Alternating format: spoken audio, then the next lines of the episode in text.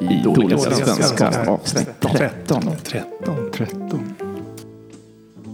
Jag har nu Pokémon Go-feber. Och, eh, Tvångstankar. Ja, men ehm, just nu så en stor del av mina tankar går åt att tänka på det här spelet och och vilja spela det här spelet. Det har förändrat min vardag rakt av. Har det förändrat ditt liv? Det har förändrat mitt liv, det har det gjort.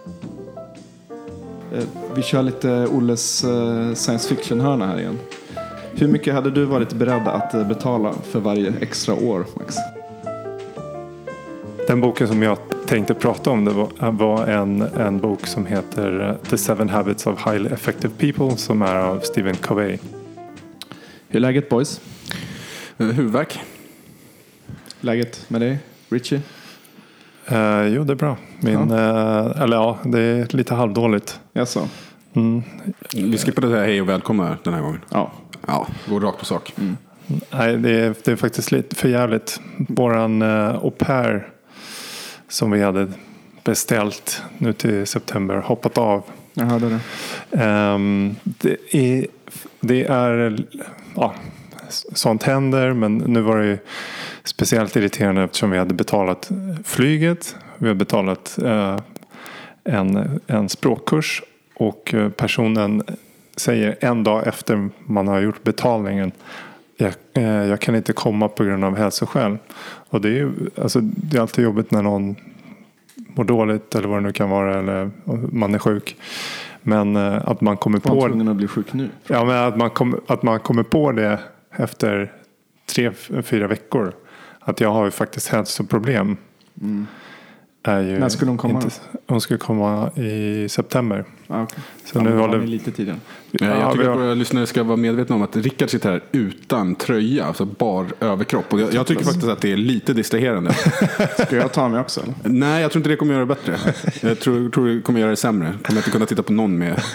Idag, det var ju otur för dig och det här är ju avsnitt 13. som Max, du måste gå på-.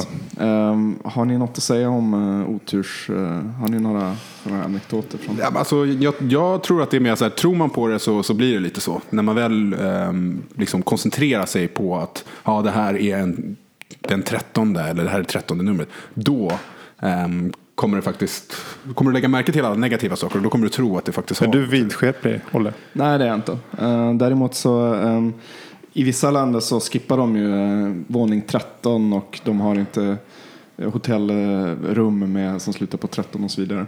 Och eh, när jag var i Nordkorea 2010 så ehm, på hotellet där vi bodde så hade de skippat eh, också ett nummer. Det var inte nummer 13, jag kommer inte riktigt ihåg vilket nummer det var faktiskt. Jag kan Nummer Nej, sex. för att, ja, för Nej, i, i, mm, Kina. ja, ja, jag vet inte vilket nummer det är, men i Kina och så, där så är det ett annat nummer som, som betyder otur och det skippar man. I alla fall Ehm, så, eller I eh, Asien. det Ja, det var något nummer som inte fanns i alla fall i hi- hissen där. Så att vi, eh, vi eh, tog ju trapporna och gick upp dit och kollade. Och då var det en sån här specialvåning på det här hotellet. Som var mycket lägre i tak och eh, det var såna här propagandarum där det var, det var propaganda på väggarna. såg inte alls ut som de normala våningarna gjorde. Um, det var väldigt läskigt, alltså jättevåldsamma propagandaaffischer på väggarna med blod och dödat amerikanerna och allt sånt där. Så att, eh, ja, det var så nordkoreanerna eh, hanterade otursnumret eller vad det nu kan ha varit för nummer. Om vi ska gå vidare, jag, vi har inte berättat om eh, ämnena som vanligt eh, innan vi spelar in det här, men jag har en magkänsla, stark magkänsla av att Max ämne idag kommer handla om eh, spelet Pokémon Go. Har jag rätt? Jajamensan, där har du helt rätt. Ehm, jag, Svårt att undvika. Ehm, Olle sa- ju för, för, ehm, förra gången vi spelade in så sa han åt mig så här, ja men du borde ladda ner den här och sen så se vad det handlar om så har du något att, att prata om i nästa ämne. Det ville du inte. Ehm, från början så ville jag inte göra det för att jag var ganska säker på att jag skulle hamna där jag är idag. I och med, för att jag har nu Pokémon Go-feber. Och, eh, Tvångstankar. Ja, men, ehm, just nu så en stor del av mina tankar går åt att tänka på det här spelet och, och vilja spela det här spelet. Det har förändrat min vardag rakt av. Har det förändrat ditt liv? Det har förändrat mitt liv, det har det gjort. Eh, definitivt. En vecka. Ja, ja nej, men det har det. För att eftersom man är tvungen, ja, för de som inte känner till den här stora hypen, det måste ni ju göra nu eftersom det är så stort och det har gått så snabbt.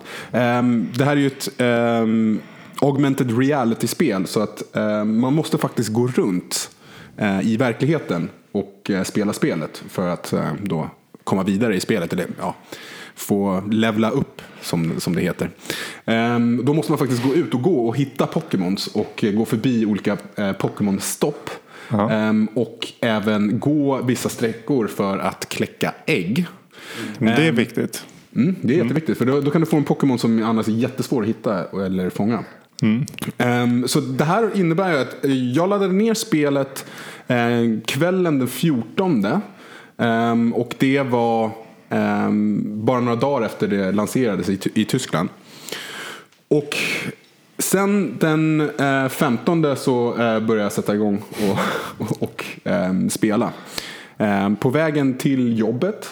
Så jag gick hemifrån en, ehm, 20 minuter tidigare så att jag skulle ha tid och på väg Men till det, är- tunnelbanan. det är så man definierar med att man har ett eh, eh, stört förhållande till någon sak. Alltså att man är beroende eh, av någonting. Det är att man liksom ändrar ens vardagliga rytm på ett negativt sätt. Till exempel då går hem tidigare från jobbet. Nej, inte gå hem tidigare. För, alltså jag går hemifrån tidigare till jobbet. Så att jag har längre tid på mig mellan hemmet och tunnelbanan. Ifall att jag stöter på några Pokémon som jag måste samla. Så att jag kommer i tid till jobbet. Men du skulle kunna bara skippa sova och vara ute på nätterna. Ja, men så extrem är jag inte. För jag vet ju att jag behöver sömn. Jag vet ju att jag behöver ett jobb för att kunna finansiera min mobiltelefon som det här spelet finns i. Men för er som känner mig ehm, och det här är också ett, i min familj så eh, beroarna, vissa av oss, ehm, när vi börjar med någonting så går vi all in. Ehm, det är ganska mycket antingen eller. Hur länge kommer det att vara då? Ja, det är det som är frågan. Eh, Jag har ju spelat sådana här spel tidigare. eh, Inte just det här spelet, men andra spel på mobiltelefonen. Och jag har märkt att um, jag spenderar väldigt mycket tid med dem. Och sen så kommer man fram till alla de här spelen. Det, det finns ju inget slut på dem. Nej. Det finns ju absolut inget slut. Det som fascinerar en är ju de egna målen som man själv sätter upp för sig själv. Och efter ett tag, eh, när man har nått ganska många av de här målen, då börjar spelet tappa sin lyster. Ehm, just nu så eftersom det är faktiskt ehm, flera svenska, två stycken svenska arbetskollegor som, som också spelar, så handlar det just nu ganska mycket om att vara bättre än dem. att ha en bättre nivå än dem. Um, och eh, jag tror att jag um, jag är ganska bra ifrån det. Jag levlar upp eh, i stort sett eh, en nivå varje dag. Vilket Oj, är ganska oj, bra. oj, oj. Ehm, Det mycket. men eh, det roliga då med just att hur det förändrar mitt, min vardag. Det, det gör det att på ett sätt så förändrar min, mitt liv på ett positivt sätt. För att jag måste ju gå ut och röra på mig. Ehm, jag brukar efter jobbet bara stanna hemma och kolla på film. Det är typ det jag gör i stort sett. Det har verkligen ändrat ditt liv. Det har. Ja, eh, det är typ det jag gör. Men nu så har det blivit så om jag jobbar tidigt. Så efter jobbet, jag kommer hem så käkar jag lite, laddar telefonen. Och sen så går jag ut på en två timmar promenad. Alltså det är... Det är sjukt. I, i, söndags, I söndags, istället för att ligga hemma och bara kolla på film hela dagen. Så gick jag upp, som, i stort sett som det skulle vara en arbetsdag. Jag gick upp och sen så sa jag, okej men jag körde en tvätt. Och så kul, alltså? dammsugning.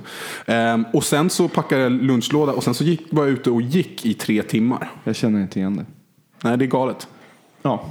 Ja, nej, Man går man ur huset Alltså, bara för att jag, promenera. ehm, ja, och saken är också så här, jag har uppdaterat min telefon för, för att allting ska stämma där. Jag, Jag ser att du har, du har en ladd, eh, du har en extern Det är också- laddare också, jag har också till en mobilen extern också. la- laddare som jag, så, som jag har köpt. Ehm, jag har alltid tyckt folk var jättekonstiga som hade en sån förut. För att hur mycket kan du använda din telefon så att du måste ladda på ute på stan?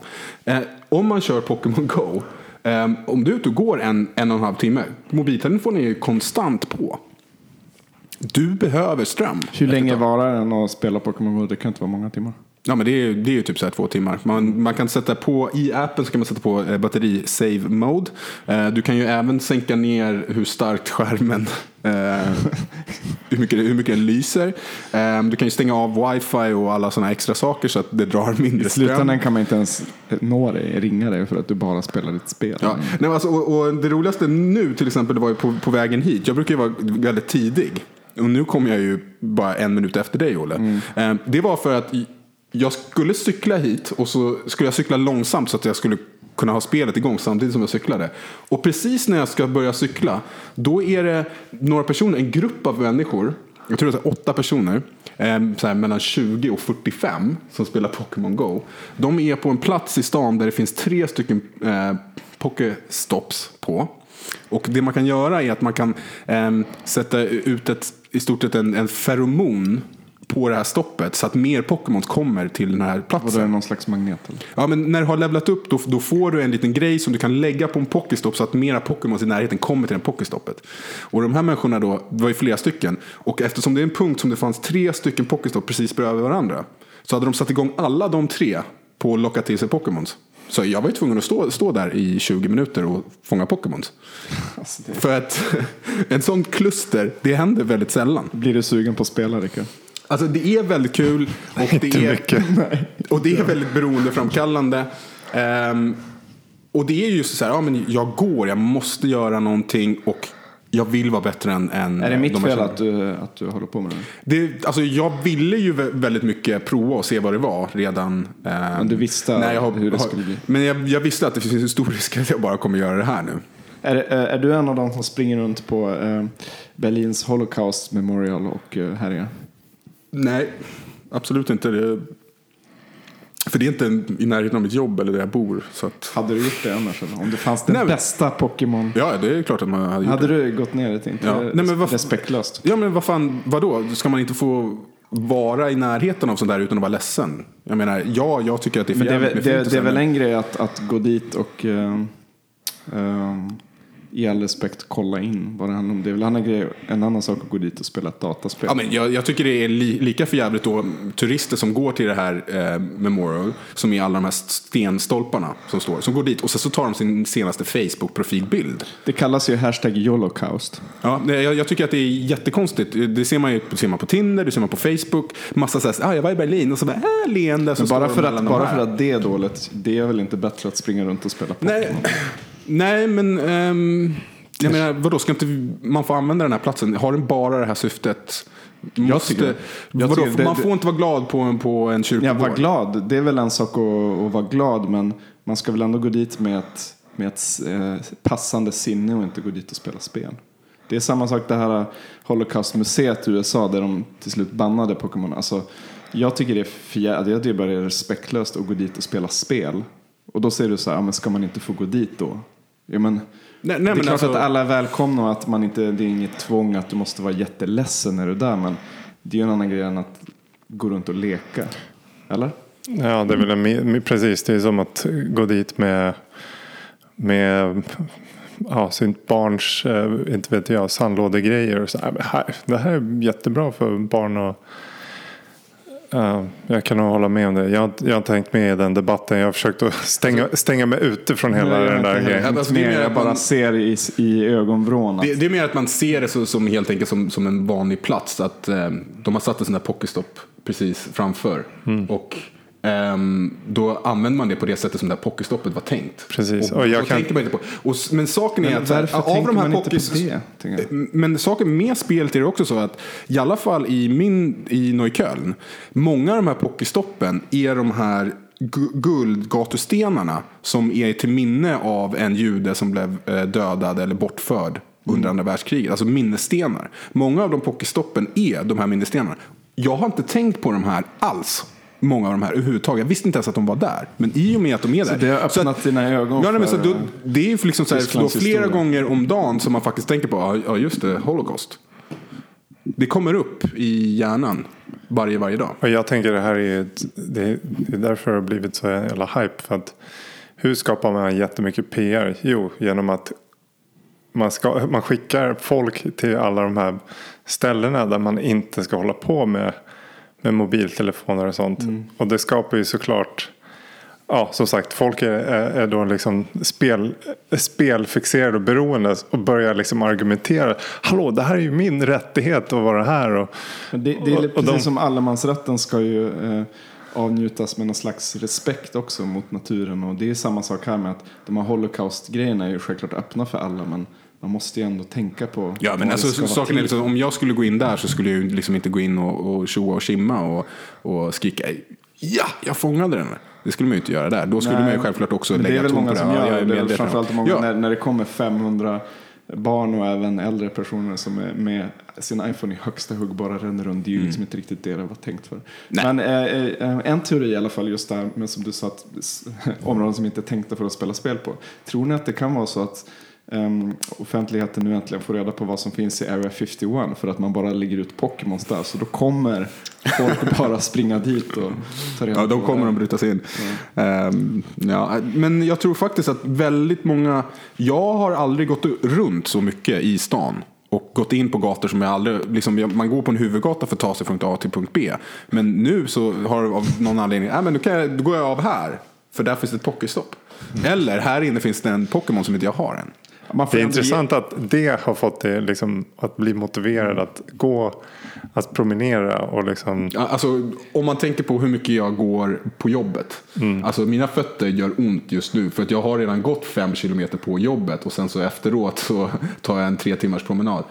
För mig så, jag går det, ganska det, mycket är, innan. det är en intressant grej att framtidens dataspelare kommer inte vara de som sitter stilla mest utan de som rör på sig mest. Kanske för att det är just det här augmented reality. Ja, och jag, jag tror att det här är ju bara, det här är bara början och det är därför det tar så stort. Sen, sen så kommer det ju komma spel två, spel tre, ja, men spel det, fyra. Apparna kommer ersätta sådana här laserdome och grejer. Ja, och ja, ehm, det enda som är så här, det är ju ibland, till exempel på vägen hit eftersom jag cyklade, det var första gången som jag cyklade och spelade Pokémon Go, vilket är ganska riskant. Precis, man har ju läst också då om, Ja. bilolyckor. Eh, och, och det var ju verkligen så, det var en Pokémon som inte jag hade som dök upp. Och jag var ju tvungen att stanna. Så, det var inte så att det hände någonting. Vem men jag, fan svängde, kan klandra dig? jag svängde ju av vägen och stannade. Eh, Annars hade du missat jag den. Ja, annars hade du missat. Äh, den missade jag tyvärr, men jag fick en annan som... Jag fick två Tänk, stycken. tänk på om vägen. piloter börjar köra när de eh, flyger flygplanen. Liksom. Det är en Pokémon uppe på 10 000 meters höjd. Men Liksom. det kommer det säkert vara. jag, jag ska bara eh, divergera lite, lite från kursen. Det gör väl inget. Ja, i alla fall. Och det här sa jag till dig förra veckan när jag, när jag eh, Eh, på ett mycket passionerat sätt och uppenbarligen eh, försökte övertala dig om att ladda ner det här spelet. Så sa jag att jag själv kommer ju aldrig ladda ner det. För att jag vet ju att det är säkert skitkul. Jag kanske hatar lite på det nu, men det är ju för att jag medvetet har stannat utanför den här bubblan som jag inte har tid att befinna mig inuti. Mm. Alltså, saken är det, det är ju faktiskt just nu som det är som roligast eftersom det är så stort och så hypat. Jag misstänker att om, om tre veckor så kommer det ha lugnat ner sig och då är det inte lika kul att spela längre. Eh, det roliga är ju att om jag då, eh, ja, i fredags kväll så gick jag ju ut, nej i lördags så gick jag ut, istället för att gå ut och festa så gick jag ut och försökte samla Pokémon. Ehm, och när jag gjorde det så um, la jag ju märke man lägger märke till alla andra som gör det också. Så man märker att jag är ju inte själv, för jag ser ju dem. Och sitter du framför en dator så ser du ju inte de andra. nickar ni mot varandra? Nej, som du nickar det- mot det andra rödhåriga? Men jag, jag stannade vid ett sånt här pokestopp som, som då hade sådana feromoner att det var många Pokémon som kom. Och det var två killar som stod där och sen så medan jag kom, då kom det två stycken, ja, jag vet inte om de var 16 år gamla, kom fram och sa Spelar du också Pokémon? Ja, vilket lag är du på? Vilken nivå är du på? Har du hört det här? Har du hört det där? Folk börjar prata med en bara för att man spelar Pokémon. Totala främlingar på gatan. Och det är ganska intressant. faktiskt. Liten isbrytare där. Ja, det är ju verkligen det. Så att man kan sammanfatta det med så att eh, eh, Pokémon Go har lett dig till att lära dig mer om eh, Tysklands historia, röra på dig mer och även lära känna nya människor över åldersgränserna. Ja, exakt. Jag skickar över Pokémon-ägget till eh, Richie Boy. Rickard, vad händer? Eh, jo, vad händer i fötter? Jag hade tänkt att f- fråga er. Har ni läst eller sett några böcker som har eh, förändrat era liv? Vad vad var frågan? Jag bara tänkte lite på Pokémon här. Har ni läst några böcker som har förändrat era liv? Mm. Som ja, på något sätt ändrat lite livskurs? Ehm, när jag gick i högstadiet så ehm, var jag väldigt intresserad, eller jag blev intresserad av politik och var väldigt så här, vänster och sådär. Och då var jag på ett föredrag av, eh, ni kanske vet vem det är, Johan Ehrenberg heter han, en opinionsbildare och eh, har en tidning som heter ETC. Ja, just det. Eh, Det är en sån här vänstertidning. Och han hade ett föredrag i Malmö där jag bodde eh, där han pratade om ekonomi och politik och sånt. Och då hade han skrivit en bok som hette Ekonomihandboken, ganska tjock bok med mycket diagram och staplar och sånt där. Eh, sånt som jag aldrig riktigt hade eh, hållit på med. Eh, men han hade en väldigt, han väldigt bra på att tala och sådär och väldigt eh, pedagogisk kan man säga. Mm, och då köpte jag den här boken och fick den signerad. Och sen så läste jag den och jag bara tänkte wow, fy fan vad coolt. Eh, han berättade om att Sverige har blivit rikare och rikare och rikare. Men ändå så säger politikerna idag att ja, vi har inte råd med skolan längre, vi har inte råd med det här. Och jag bara tänkte, det här är ju helt sjukt. Och vet, så, att jag blev väldigt eh, intresserad av just eh, förbindelsen mellan politik och ekonomi och förstod att för att förstå politiken måste man förstå ekonomin också. Eh, den här boken gjorde att jag blev ännu mer intresserad av politik och sedermera eh, har det bidragit till att jag har läst ekonomi och sådär. Så att den boken, även om jag idag säkert skulle se på många saker på ett annat sätt, så har den boken helt klart förändrat mitt liv. Du då Max? Ja, alltså det finns ju säkert en rad med böcker som, som eh, varje bok har förändrat lite och tillsammans så har de eh, förändrat mitt liv. Men om jag då tänker på frågan så en bok som faktiskt eh, fick mig att tänka väldigt mycket på någonting som jag inte tänkt så mycket innan var eh, The Naked Ape.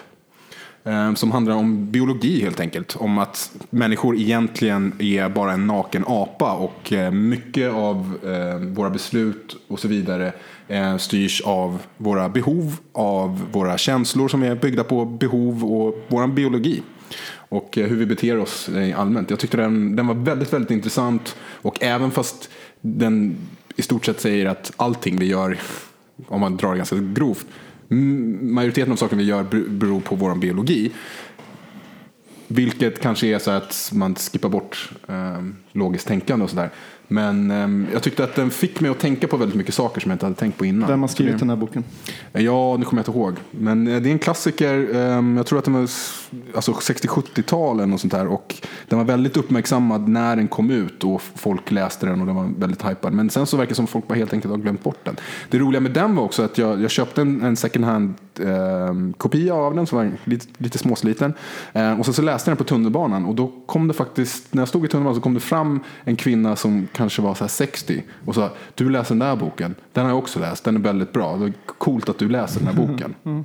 Mm. Och det har aldrig hänt förut. Coolt. Det känns som att det gavs ut många böcker på den, på den tiden som, eh, ja, ska man säga, um, ja, avslöjade sanningar och gav nya perspektiv. Uh, Insiktsfull era kanske. Ja, precis. Får jag säga en, en bok till? Ja. Uh, det är faktiskt Kalle och chokladfabriken av Roald Dahl. Eh, den läste jag kanske när jag gick i trean eller något där. Och eh, eh, tyckte den var så jävla bra så att jag läste om den direkt igen. Och sen så började jag läsa, jag läste alla böcker av Roald Dahl. Han har skrivit många, Matilda bland annat. Och, eh, Häxorna och alla de här. Så jag bara läste alla böcker och började skriva själv och blev jätteintresserad av eh, ja, typ historier och litteratur antar jag. Du då Rickard? Jo, varför jag tar upp det här är för att jag har konstant dåligt samvete för att jag aldrig hinner läsa böcker. Men jag försöker lyssna på böcker när jag hinner och nu på senaste tiden har det blivit mer att man lyssnar på podcasts. Ehm, den boken som jag tänkte prata om det var en, en bok som heter The Seven Habits of Highly Effective People som är av Stephen Covey.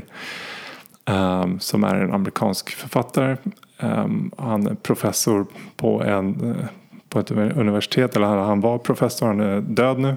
Professor i hjälp till självhjälp? Ja, precis. Nej, men han, han, han var sån här uh, guru egentligen på, på 80-90-talet. Han hjälpte liksom alla stor, storföretag med att organisera och bla bla bla. Och det han började göra då um, ja, jag tror han var till och med eh, professor på en skola som hans far har grundat. Och den här författaren har även tio barn.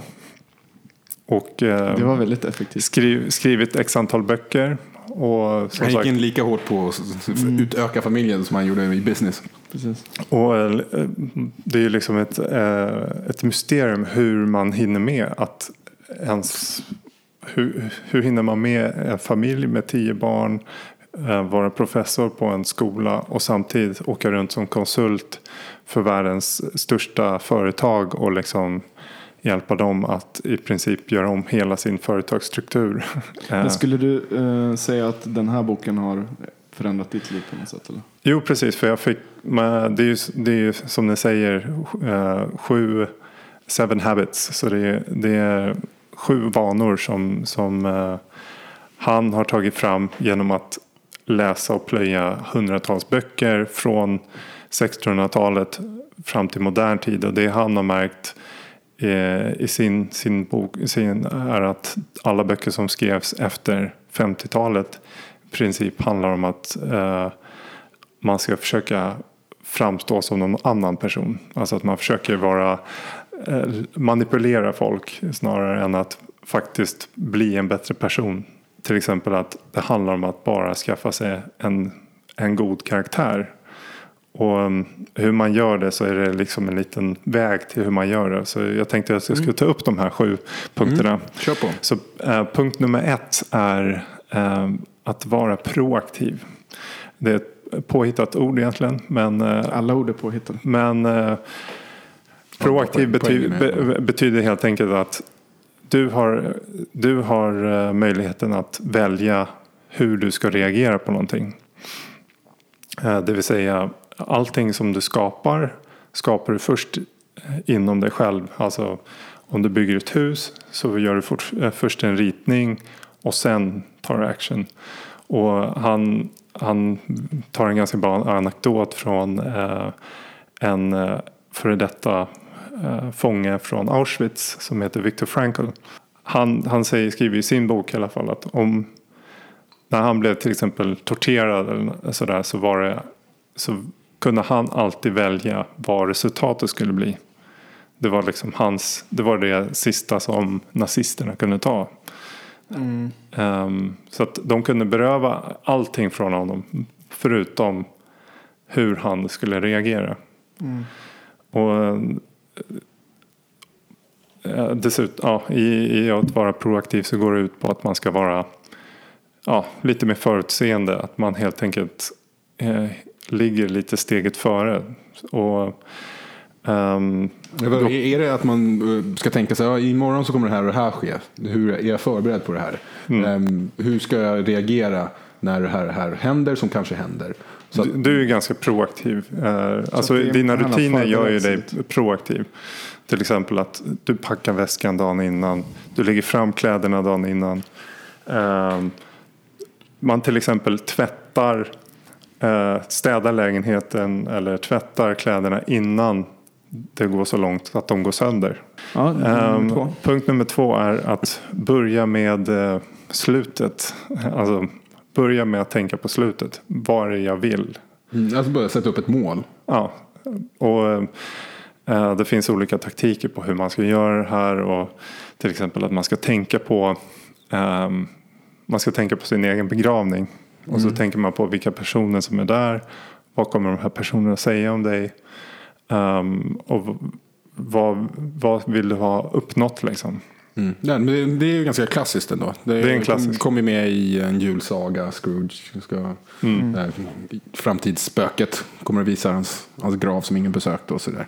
Precis, och där um, ja, börjar man tänka lite på liksom, vad är mina kärnvärden.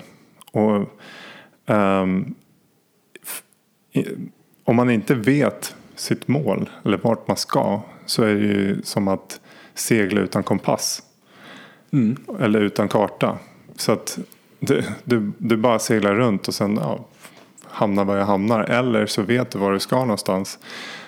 Eh, då kan du sätta arbetet eh, på den, ja, där det ska vara helt enkelt. Då, då ödslar du inte tid på saker som är oviktiga. Mm. Jag vill komma upp en nivå i Pokémon Go varje dag. Vilket innebär att jag måste ha 10 000 experience points. Vilket inne- innebär 100, hitta 100 Pokémons om jag bara skulle göra det. Till exempel. Så det betyder har att ett jag måste, om, om, om jag då eh, fångar så många Pokémons på en timme så ser jag ju hur många timmar jag måste investera. Vad säger du? Ja, precis. Och då kommer vi till punkt tre. Och det handlar om att eh, prioritera. Alltså, eh, put first things first. Eh, och det kan man bara göra om man vet var man ska någonstans. Ehm, och ehm, det finns eh, i boken så finns det ganska bra eh, manualer på hur man ska tänka och hur man helt enkelt lägger upp det. Och jag, eh, jag började göra det för typ två år sedan. Inte varje dag, inte varje vecka, men det handlar också om att vara proaktiv. Jag lägger upp liksom nästan som en årsplan. Det betyder inte liksom varje dag, men jag sätter upp några bara grova saker som, som, som känns rimliga.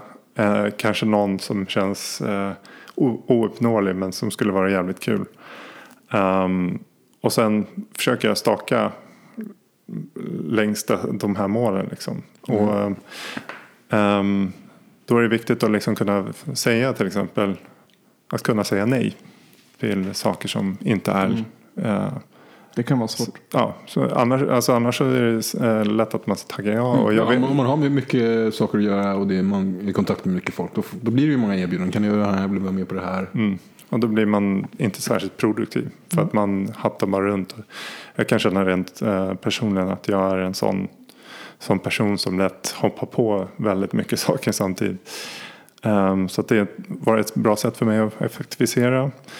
Punkt fyra är att tänka win-win. Och det är egentligen ett, eh, någonting som en svensk har eh, kommit fram till.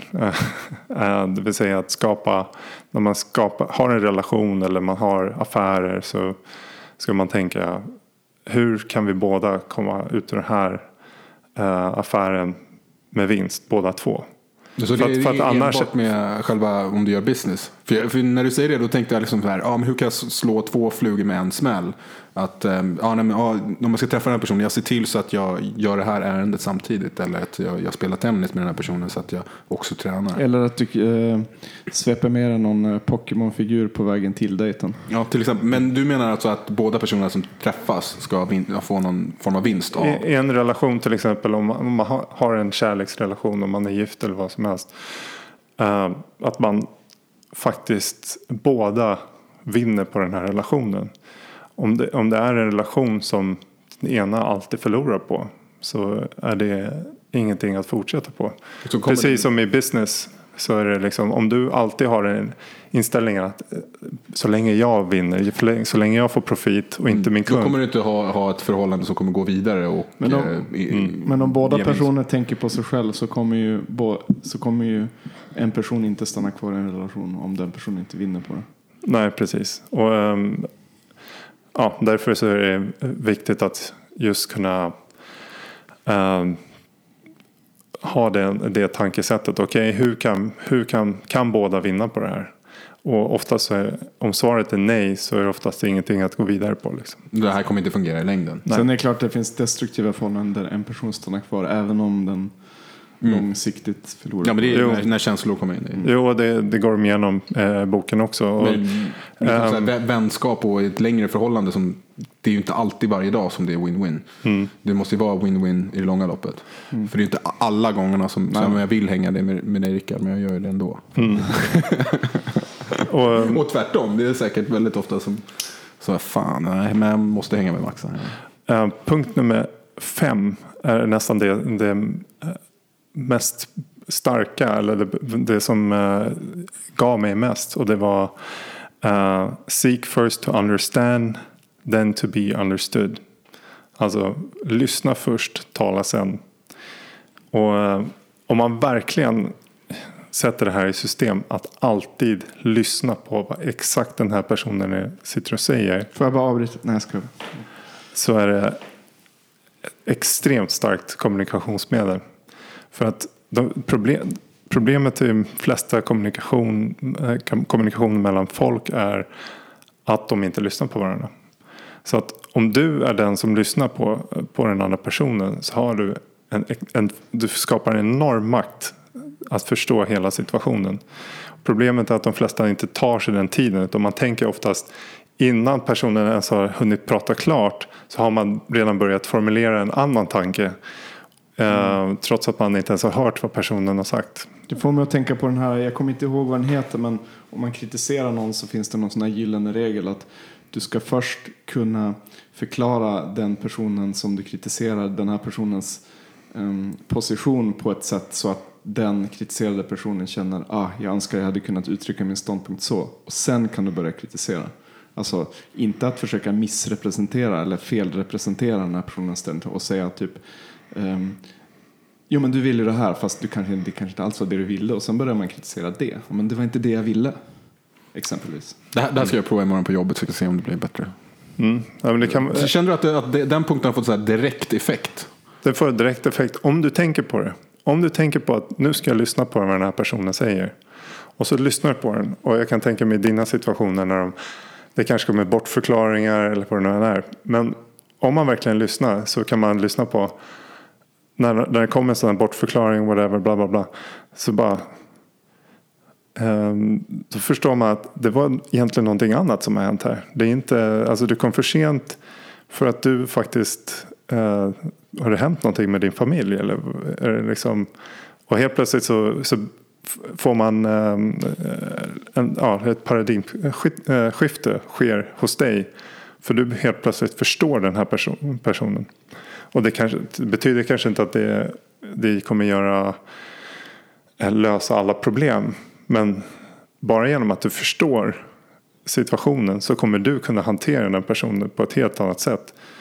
Så att eh, jag kan säga att det här är svårt. Jag, jag bara försökte intensivt hålla på med det här.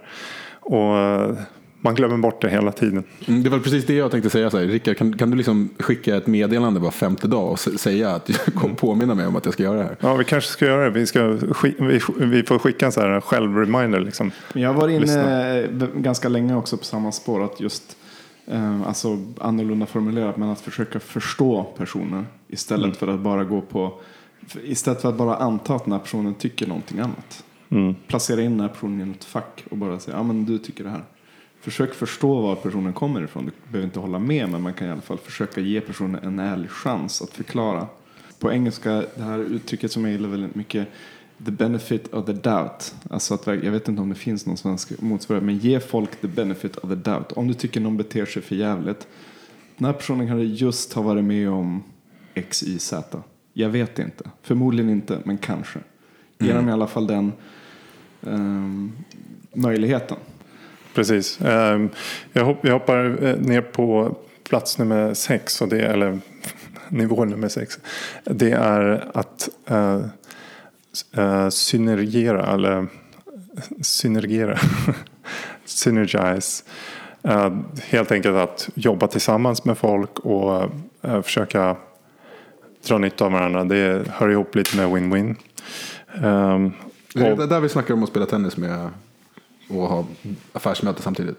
Ja, nej, nej, men nej, det är inte riktigt. Att man ska dra åt samma håll? Typ. Man, man drar åt samma håll och att man, man försöker att använda andra styrkor uh, för att liksom matcha ens uh, svagheter till exempel. Um, och uh, på plats nummer sju är Sharpen the saw eller vässa kniven på svenska. Och det är helt enkelt um, ibland så eh, håller man på och jobbar, jobbar så frenetiskt att man inte liksom ens tar sig tid att, att ta hand om eller liksom skola sig. Alltså om det är inom arbetsvärlden så att man inte tar sig tid att lära sig so nya saker. Eller ha semester. Ta det lite lugnt, få lite distans till saker. Utan bara liksom hålla på och hamra på. på. Mm. Och eh, varför det heter vässa kniven eller sharpen the saw på engelska Uh, här är helt enkelt en historia då på en skogshuggare som står ute i, i och sågar ett träd i, i, i djungeln. Och det kommer en person och frågar den här, person, eh, den här eh, skogshuggaren så här, ska du ta, ta en paus och slipa sågen så att det går lite snabbare. Då säger han, eh, skogshuggaren, hör, jag har inte tid med det, jag måste såga vidare. Så att, mm, det är en bra metafor också. Ja, jag, jag, jag tänker på något som, som visdomsord. Eh, som någon smart person sa, eller om det bara är påhittat, eh, av internet. Eh, men om jag har eh, åtta timmar på mig att eh, hugga ner träd så kommer jag spendera sex timmar på att vässa yxan.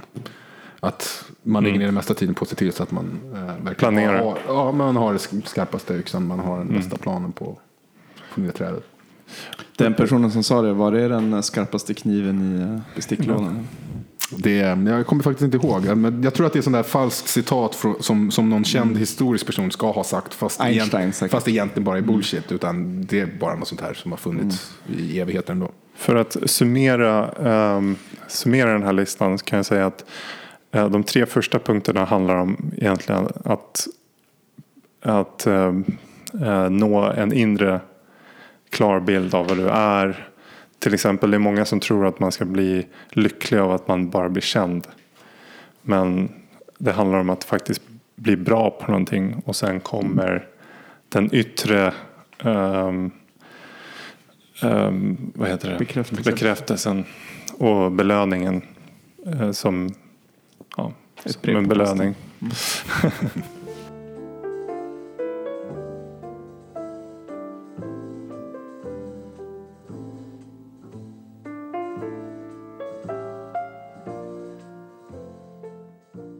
Då är det dags för mitt ämne. Eh, Jag tänkte att vi skulle prata om, eh, vi kör lite Olles eh, science fiction-hörna här igen. Eh, Jag tänkte prata om ett ämne som heter, eh, eller om något som heter kryonik. Eh, Vet ni vad det är för någonting? Alltså, jag, jag tror att det handlar om ehm, nedfrysning på något sätt.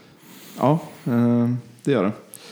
Rickard, är du bekant med det här? Har du hållit på mycket med kryonik eller? Eh, nej, jag slutade för tio år sedan. Så att, eh, Precis. Um, nej men, ehm, um, kryonik är um, att man fryser ner någonting. Uh, specifikt uh, som jag vill prata om är att man fryser ner en människa efter döden. Um, kryoteknik används uh, redan idag med att frysa ner ägg eller spermier och liknande. Och tanken med, med kryonik att man ska frysa ner en person efter döden det är att om hjärnan slutar fungera så att man i vår mening dör. Så om man fryser ner den personen så um, vid väldigt eh, låga grader, som ja, nästan minus 200 grader, så slutar nedbrytningsprocessen i princip. Eller den blir i alla fall väldigt långsam, nedbrytningsprocessen. Så alla atomer stannar helt och hållet. Exakt, så att hjärnan bryts inte längre ner. Och tanken är då att om vi då väntar i um, 100 år eller kanske flera tusen år så kan det vara så att eh, tekniken i framtiden eh, har kapaciteten att Ehm, inom citattecken återuppväcka den här döda personen. För att det som vi definierar som död idag kanske inte i, i, i ordets egentliga bemärkelse är död. Det vet vi inte. Det kan mycket väl vara så att man i framtiden eh, kan eh, ja, med superteknologi liksom få hjärnan att fungera igen. Så att det som händer, om det skulle vara så att det här fungerar, det är att du dör eh, och då förutsätter det att du dör på ett sätt så att hjärnan inte fullständigt eh, trycks i små bitar utan du kanske... Eller jag är helt skadad. Så Ja, den, den är inte för skadad utan den dör under, eller hjärnan slutar fungera under lugna föruts, eh, förhållanden. Eh, och så fryser man ner den så snabbt som möjligt. Och så måste man eh, byta ut vattnet mot lite andra vätskor så att, så att vattnet inte expanderar och bara spränger hjärnan. Och sen så är då tanken att man helt enkelt låter fortsatta generationer sen i framtiden eh, tina upp dig när tekniken finns och så helt plötsligt vaknar du som en intakt person i framtiden. Och eh, anledningen till att man skulle vilja göra det här det är att om, om vi antar att det går att göra i framtiden så kommer det förmodligen också vara så att när du väl växer upp då inom citattecken i framtiden så kommer du leva i ett samhälle där medellivslängden inte är 80 år utan kanske ja, med tekniken, alltså cancer kommer inte finnas, du kan byta ut eh, kroppsdelar till höger och vänster som vore de plast Ja, man kan säkert odla Du kanske organ. kan odla organ, skriva ut dem på 3D-printen hemma. Du kanske till och med kan göra en backup av ditt liv så att om du ändå dör så kan man återuppväcka dig än Startar en upp gång. klonen.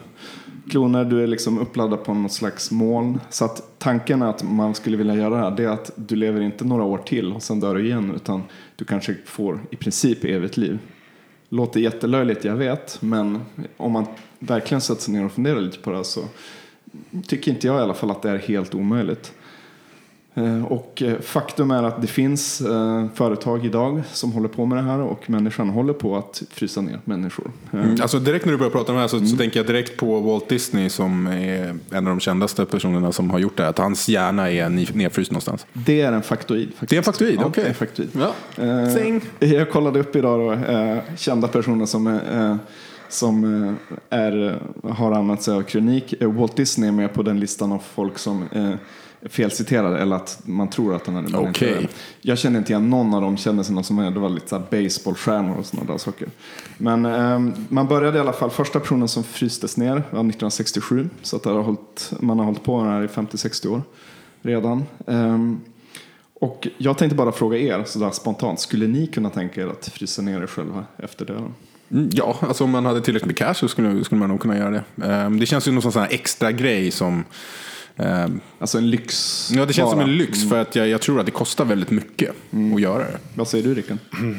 Eh, Jag, jag tror faktiskt inte jag är så intresserad.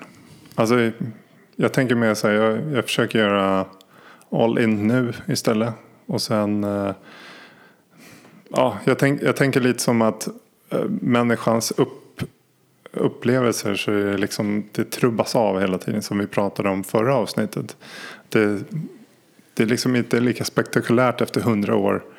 Eh, allting. Så tänk dig alla de jobbiga jävlarna i framtiden som lever tills de är 7000 år gamla. Fattar du hur jobbiga de kommer vara när de är 6999 och liksom har sett allt, gjort allt. De kommer bara vara så riktiga skitstövlar när de sitter där. Och det är de människorna som du måste hänga med. Ja, men jag, tänk, jag ja. tänker på uh, den här en vampyrs bekännelse och lite sånt. Det är bara så Det är här, Brad Pitt. då. återupprepa sig allting och det är liksom man känner, börjar se bara mönster i allting. Men samtidigt, ehm, jag förstår ju till 100% var det kommer ifrån.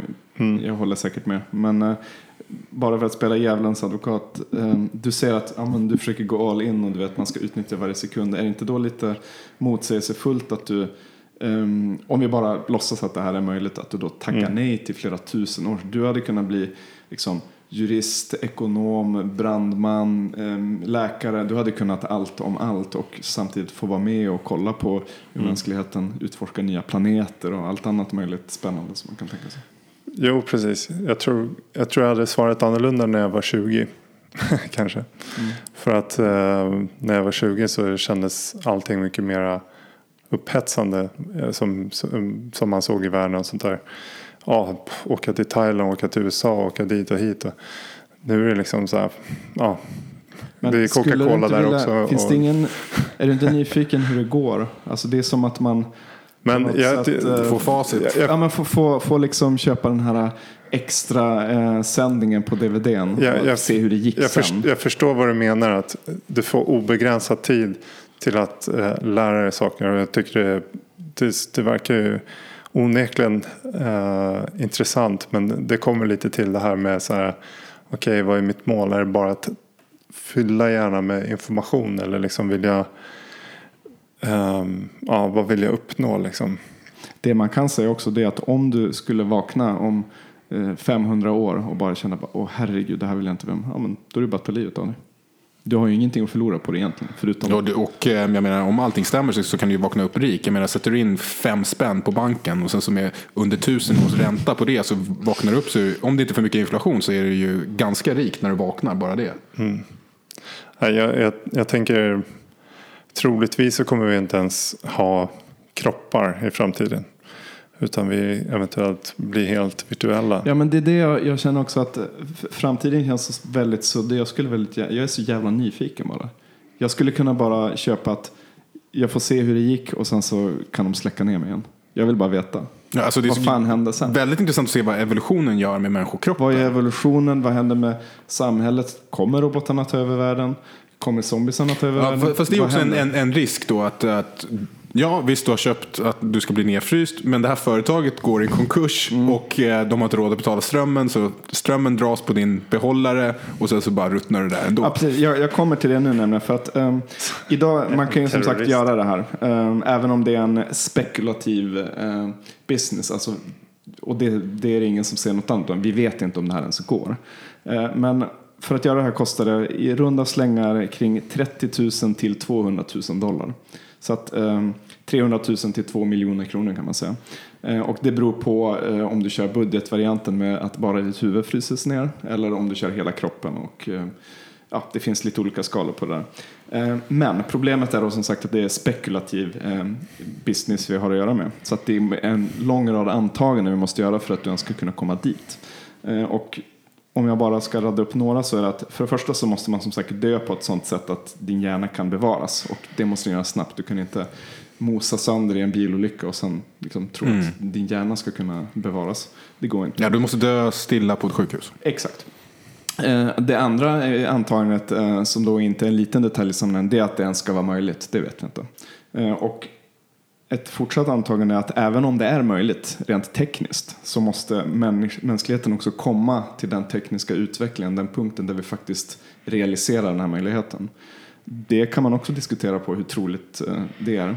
Förmodligen, jag tror att vi kommer komma dit om det är möjligt. Men Ja, men om civilisationen fortsätter i, i den här Om riktningen. civilisationen för fortsätter och om vi satsar pengar på det. Det kan ju bli kärnvapenkrig och sen så, va, boom, och sen så är vi tillbaka på noll och sen så kommer det ta ytterligare. Exakt. Och då har din den- kammare antagligen sprängts också. Ett vidare antagande är att eh, företaget finns kvar. Alltså, Ja. Vad händer om företaget går i konkurs eh, samma dag som det blir möjligt? Alltså, det vet vi inte. Så det är ett vidare antagande. Ehm, som du säger, det kan bli kärnvapenkrig. Många grejer kan hända i samhället. Det kan bli juridiska grejer och de har kanske inget incitament om tusen år att hålla kontraktet med Max byrå. Liksom. Ja, liksom, den enda familjen som jag har, de kanske inte ens finns längre och de vet inte ens om att jag ligger där. Så att ett vidare, en vidare, ett vidare antagande är att företaget fullföljer det här kontraktet. En lång radda av väldigt många halvosäkra antaganden blir det i slutändan en ganska låg sannolikhet att det faktiskt ska gå. Och um, om man kollar på ett företag eh, som håller på med det här som heter Alcor Life Extension eh, Foundation har räknat ut eh, att det um, till stor del hänger på 13 olika faktorer och i slutändan kommer de fram till att sannolikheten för att du, just du, ska bli uppväckt eh, om du köper deras tjänst det är mellan 0,2% till 15%. Så att i det mest optimistiska fallet så är det 15%. Inte jätte, jättelågt ändå men inte liksom så här 100%igt direkt. I och med att det är 13 faktorer så även om alla faktorer för sig skulle ha en 95% chans så blir det i slutändan typ 50-50. Så att ehm, oddsen är lite sådär. Men det jag tänkte komma till och min, som är min liksom poäng här. Det är att om potentialen är så pass stor så att du ändå kan få kanske en miljon år. Så borde det ändå vara rationellt att bara säga, vet du vad, jag kommer göra det. Jag kommer lägga en mille på det här för att om det ändå lyckas, den här procenten, så kommer jag ändå få i snitt så här många år. Eh, Så att, eh, det jag tänkte testa med det är om ni faktiskt tänkte göra det. Jag har gjort en liten kalkylation nu. så om vi utgår ifrån att, låt oss säga att vi kör ehm, en mellanvariant som kostar en miljon. Så då måste du betala de pengarna innan du dör Max. Okej. Jag börjar med dig. Eh, vad tror du att sannolikheten för att lyckas är? Om vi sätter det som en procent chans kanske. Låter det rimligt? Ja, det, ja, det kanske gör. Det, ehm, Jag, jag vet inte, jag har börjat tänka i procent här. Men det i ett fall av hundra. Mm, jag tycker det är lite uppe där. Men ja, vi kör på en procent. Okej, eh, och sen så säger vi att eh, antalet extra år du får om det funkar. Eh, ska vi säga kanske Tusen. Nej, hundra. Då säger vi att jag vaknar upp, liksom att jag är 60 och jag dör på sjukhus. Och sen så vaknar jag upp och så, så kan jag liksom, ja men de flesta dör vid 160. Så att jag kan få 100 år till. Jo, men, men eh, du får föreställa dig en, en väldigt, väldigt eh, teknologiskt avancerad eh, civilisation som kanske laddar upp din hjärna på internet. Liksom.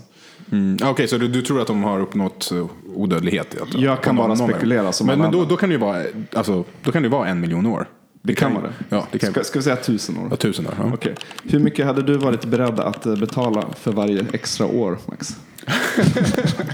Ja, vadå, en miljon delat på tusen? Nej, eh, hur mycket hade du varit beredd? Det är bara en fråga. Liksom. För ett års liv? Ja. För Oj. ett år sedan i framtiden. Ja, alltså. Tänk på att du kan arbeta de här åren också. Ja, men hur mycket jag vill betala? Det, alltså, ja.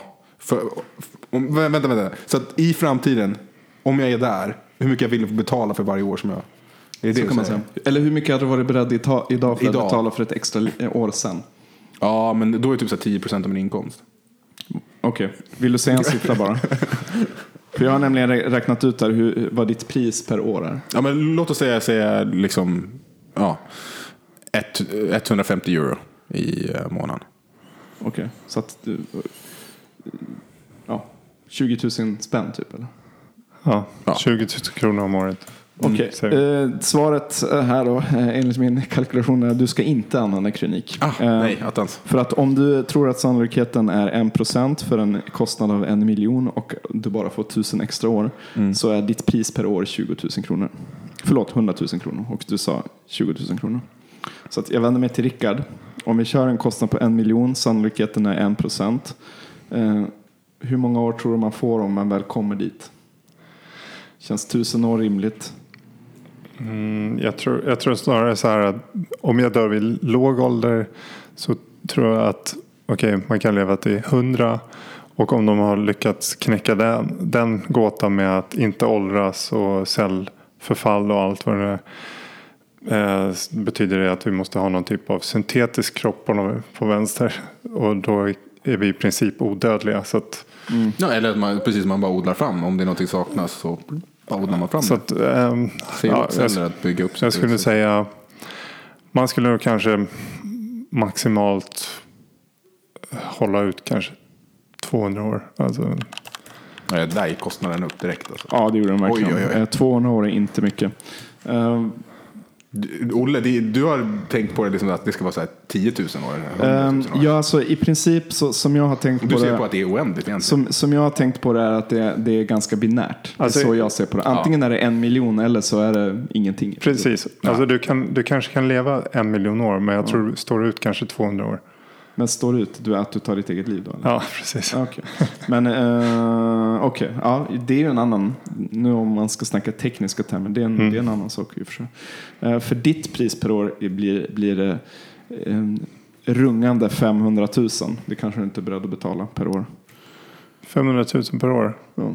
Alltså, men alltså precis som, för mig i alla fall, precis som jag sa innan. Om det är så att jag är miljonär. Eh, när jag är 50-60 och liksom börjar tänka på om nu ska, nu ska jag dö. Att verkligen börja planera för det. Har jag då råd att lägga en mille. Då kommer jag antagligen göra det. Alltså som jag har Det är tänkt så på det, det är så här, det. Men, om, men eh, tjänar jag som jag gör idag så kommer jag inte ha råd med det. som jag har tänkt på det följande i alla fall. Låt oss säga att kostnaden är en miljon och vi drar ner sannolikheten till en tiondels procent kanske. Eh, men att du samtidigt eh, får en miljon år liksom. Då betalar du i snitt, alltså vi har eh, en tusendel chans att det ens lyckas. Så betalar du ändå bara tusen spänn. En tusenlapp per Det här år är lite som, som, en, som, som den vetenskapliga versionen av att tro på himlen. Och verkligen investera i himlen. Det är ju nästan exakt samma sak. Det kan man väl säga. Fast det inte är en gud som gör det, utan att det är vetenskapen som sätter det där. Så att du gamblar ju istället för att ge pengar eh, varje söndag när du går till kyrkan eller donera till ett visst kyrkoprojekt. Så, så lägger du det på, på ett företag som utför en vetenskap på att eh, i framtiden få ut någonting av det. Så, eh, få evigt liv i den perfekta framtiden. Li, lite filmtitlar. Eh, som jag, alltså Demolition Man börjar man ju tänka på direkt. Mm, där händer ju det. Ehm, och sen tänkte jag på en bok också som heter Après los ojos. Som eh, betyder Open your eyes. eh, Vanilla Sky. Mm. Och så får vi inte glömma eh, en av mina favoriter, Futurama. Mm. De är roligt. Mm. Nej, men det, är- han, han fryser ner i 2000 år Ja. och vaknar upp i New New York. I alla fall, egentligen måste man komma överens om eh, grundförutsättningarna här. Eh, alltså just kostnaden, sannolikheten för att lyckas, hur många extra man får och så vidare. Eh, ja, många parametrar, det blir väldigt spekulativt. Nej men som alltså, jag, jag ändrar, alltså, har jag möjlighet, har jag en procent möjlighet att bli Stephen Fry, alltså att det blir eh, Fry i framtiden i Futurama, då fan jag kommer göra det. Det händer så jävla mycket coola grejer i den där serien. Alltså, så att om det bara är en tiondel av det som är verklighet med alla aliens och sådär, fan jag måste göra det.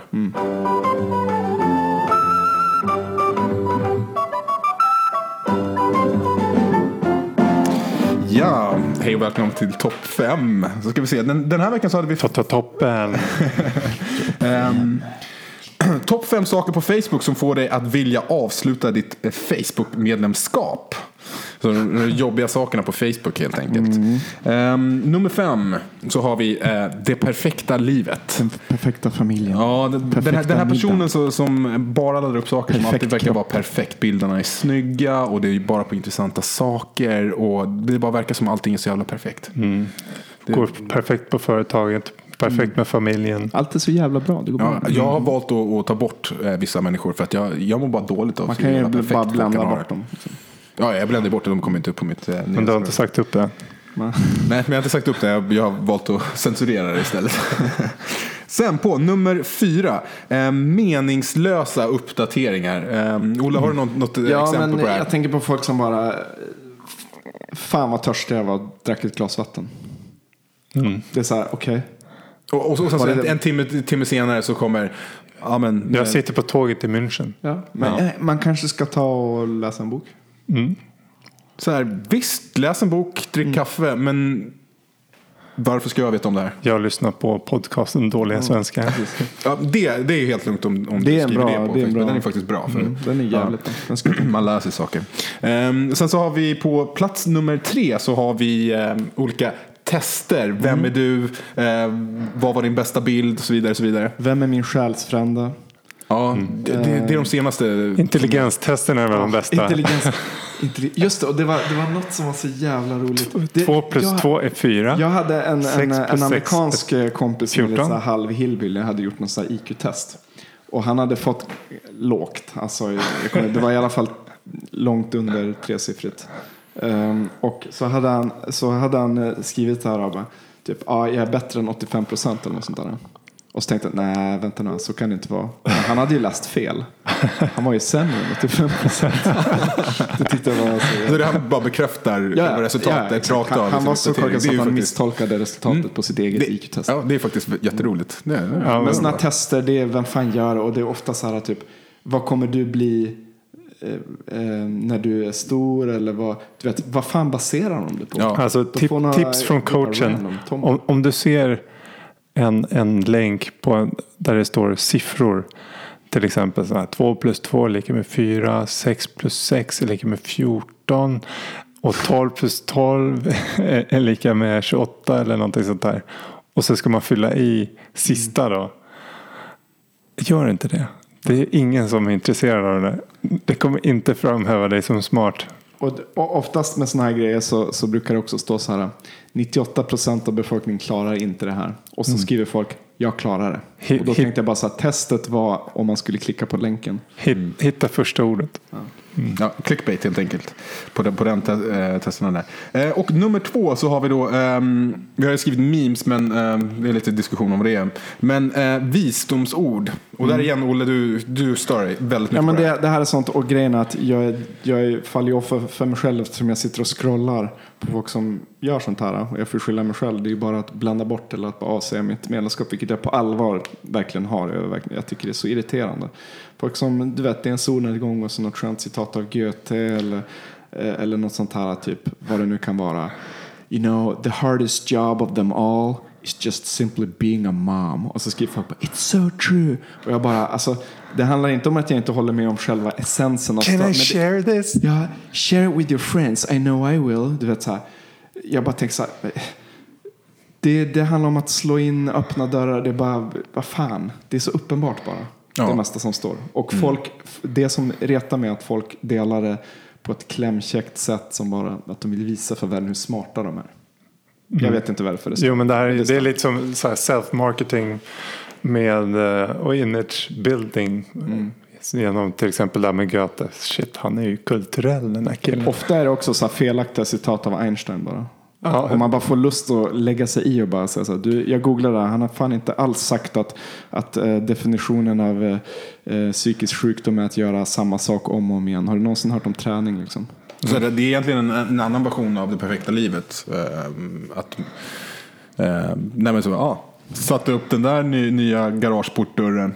Ja, på ett Ehm, sätt. Men eh, på en annat nivå, lite mer spirituellt och filosofiskt. Lite och, så. och, Och gärna med, gärna med fula fonter och eh, photoshoppade bakgrunder.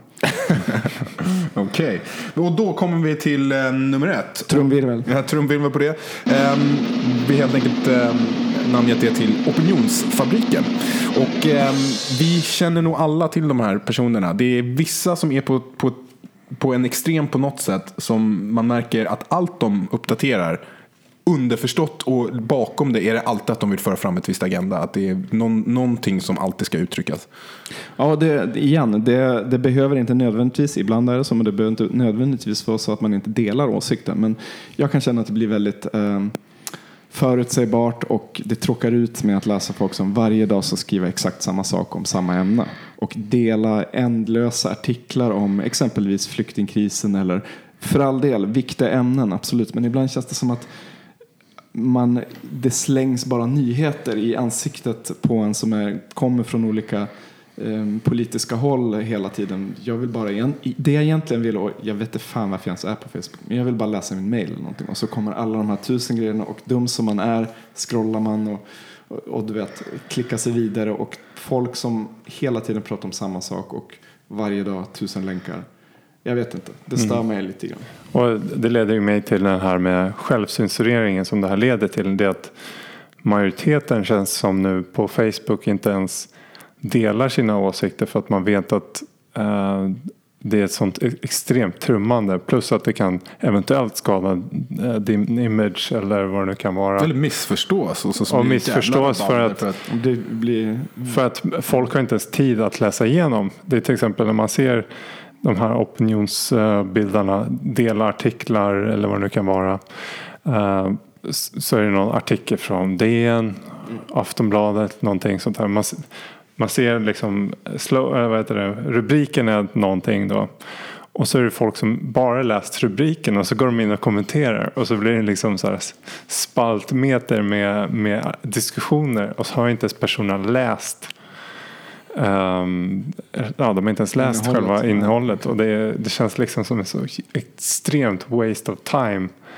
Och det säger också hur mycket, alltså man tar Facebook gott, gott och ont så är det Mm. liksom, börjar jag tvivelaktigt eh, se på hela Facebook och Twitter hur, hur det liksom på något sätt urholkar människornas eh, vilja att kunna, liksom, eller vilja men förmåga att överhuvudtaget sätta sig in i ett ämne längre för att det, man bombarderas med information hela tiden. Så att man, ja, folk har liksom ingen koll till slut. Utan snarare så är det så att de flesta söker sina egna eh, opinionsfränder eh, fränder och så liksom Och det, är så, det är så tydligt också att folk som är av en åsikt delar alltid bara åsikter som stärker den personens eh, åsikter. Och sen folk på den andra motsatta sidan, för jag har väldigt brett spektrum kan jag säga under mina Facebook-vänner eller min, Ehm, mitt flöde då. Eh, och det det, det är så sjukt, det jag stämmer på att det är så sjukt uppenbart och det är så här, de kan bara avstå för att jag vet ändå vad personen tycker. Och jag vet ändå vad de här åsikterna består i. Sen så tar jag på mig helt fullständigt om det är någon som stör sig på mig och bara varför sitter du och stör dig på det här? Jag tar på mig att det är jag själv som eh, borde sluta abonnera på de här personerna och jag kan säga upp mitt men det är egentligen och jag har tänkt på det jättebra. många gånger. Det är jättebra att du faktiskt kan se båda sidorna. För att mitt nyhetsflöde är väldigt så liberalt och, och alla människorna är samma. Det är bara så någon som sticker ut men ändå inte så här jättemycket extremt. Ehm, och när vi pratade om det tidigare så, så ehm, vi, vi har pratat om det tidigare du och jag Olle. ehm, någon gång kanske för något år sedan eller sådär. Um, jag sa inte du då att det är en ganska bra påminnelse de här personerna eh, som liksom tar fram något så här jätterasistiskt och är jättekorkade. Att det är så här bra påminnelse. Ja just det, det är de här människorna. Det är därför saker och ting händer i den här världen. För de här människorna finns. Och om Ja, jag bara har och- mina vänner så skulle jag inte komma i kontakt med dem. För jag väljer inte att umgås med dem. Då är det Ja, bra dels- att veta att de ja. finns. Dels det och dels också att eh, em, alltså, om jag eh, har en sd som skriver någonting eh, exempelvis eller kanske ännu mer extremt än det och så går jag in och ser på vad den personen skriver för att 99% av den personens Facebook-följare är också av samma åsikt precis som alla andra. Alla feminister och, och alla socialister känns det som har bara likasinnande nästan. Så att går jag in på en sån här länk och kollar vad folk kommenterar så är ju alla också av samma åsikt mer eller mindre det är så sjukt uppdelat och folk tror nästan, det är nästan så att folk tror inte att det finns folk som verkligen tycker sånt här. Och det kan vara bra att hålla ett öga både till höger och vänster om jag säger så. Mm, Tycker jag i alla fall. Och liksom, ja men den här personen kommer härifrån, tycker så här och tänker så här. Eh, Det kan man tycka vad man vill om i sin tur, självklart. Eh, Och Det har du helt rätt i, Olle. Det har, det har du helt rätt i. Och- man känner ju så att i alla de, precis som du säger, alla de uppdateringar som jag ser är från människor som tänker så här. Och då kommer man inte i kontakt med, med det andra. Nej, och ehm, det är väl i, större i samhället, kanske därför det skapar större splittringar i samhället. För att vi kommunicerar bara med likasinnade. Vi kommer väldigt sällan i kontakt med Mm. oliksinnade. Och när vi väl gör det, då har, det redan, har vi redan trummat upp varandra i våra egna sfärer. Så pass mycket så att det blir en jätteklash istället för att, att man kanske kommer överens om saker och ting. Jag säger bara så här, folk var jätteöverraskade att eh, det gick så bra för SD senast valet. Jag var bara, jaha okej. Ja men blev kanske nästan till och med mindre än vad jag trodde. Nu betyder inte att alla mina eh, Facebook-vänner är rasister, det är inte det jag säger. Men jag känner ändå att jag ser Några gamla bekanta som du la till för ett Lite tag så. sedan. Lite så. Men alltså jag ser Facebook just nu mer som, som en eh, telefonkatalog med bilder. Alltså den enda plattformen som man faktiskt kan ta, ta, ta, ta kontakt med folk på ett, ehm, på ett väldigt enkelt och ändå inte för påträngande sätt. Ja, alltså det finns jättemånga bra grejer med Facebook. Eh, och det är egentligen det är enda anledningen varför man är fortfarande är kvar. Men jag kollar väldigt sällan på nyhetsflöde och eh, använder det mest för att skicka meddelanden till er faktiskt. Jag, jag tycker om bra. att följa Crossfit. Nej, men de, de delar mycket där. Jag tänkte, k- kan vi avsluta med kanske någon, ehm, vi har ju pratat om några böcker, men är det någon bok som Olle skulle vilja rekommendera att Nej, vi skulle inte läsa? vi kan göra det här. Vi lär- Vi lärde oss innan att vi skulle säga nej till saker och ting. Olle, har du det? Eh, ja, ehm, det blir väldigt präglat av eh, hur jag själv eh, tänker kanske. Men jag tycker att då. Daniel Kahnemans bok Thinking Fast and Slow gav mig väldigt mycket. Det är kanske ingen bok som man läser på samma sätt som man läser en skönlitterär bok. Men Den kan man läsa många gånger och ja, men jag tycker det var någon som beskrev det bra på baksidan av boken. ehm, Buy it fast, read it slow, uh, skrev han. Ja, det låter bra. Ehm, Det är väldigt bra om hur man kan, eh, ja, hur människan resonerar um, ologiskt kan man säga. Mm. Nej, Jag kommer bara eh, upprepa mig och säga eh, The Naked Ape. Kör, kör, läs den, den är bra. Jag tänkte på, jag kom på en annan bok som jag läste i, i högstadiet som heter Kommunismens svarta bok. Jag vet vilken det är. Det är en, det är en tegelsten. Det är en tegelsten och jag, Lättläst. Alltså det, det är väldigt deprimerande. Så det är mer en, en utmaning bara att läsa den. Ja, men det är ju framför, det är ju, det är det, det säger lite om hur kommunismen funkar i, i praktiken. Och har man läst den så har, man- har man, har man eh, ja, lite input från världshistorien. Då eh, ändrar jag till att du ska läsa Kapitalet. Alla tre band. Alla tre band. Ja. Ja. Nej, men vi tackar väl för oss ikväll. Och eh, på återseende nästa vecka. Jajamensan. Puss och kram. Ha det bra allihopa. Kolla in oss på därligasvenskar.se och spamma oss på riktigt snabla. Puss!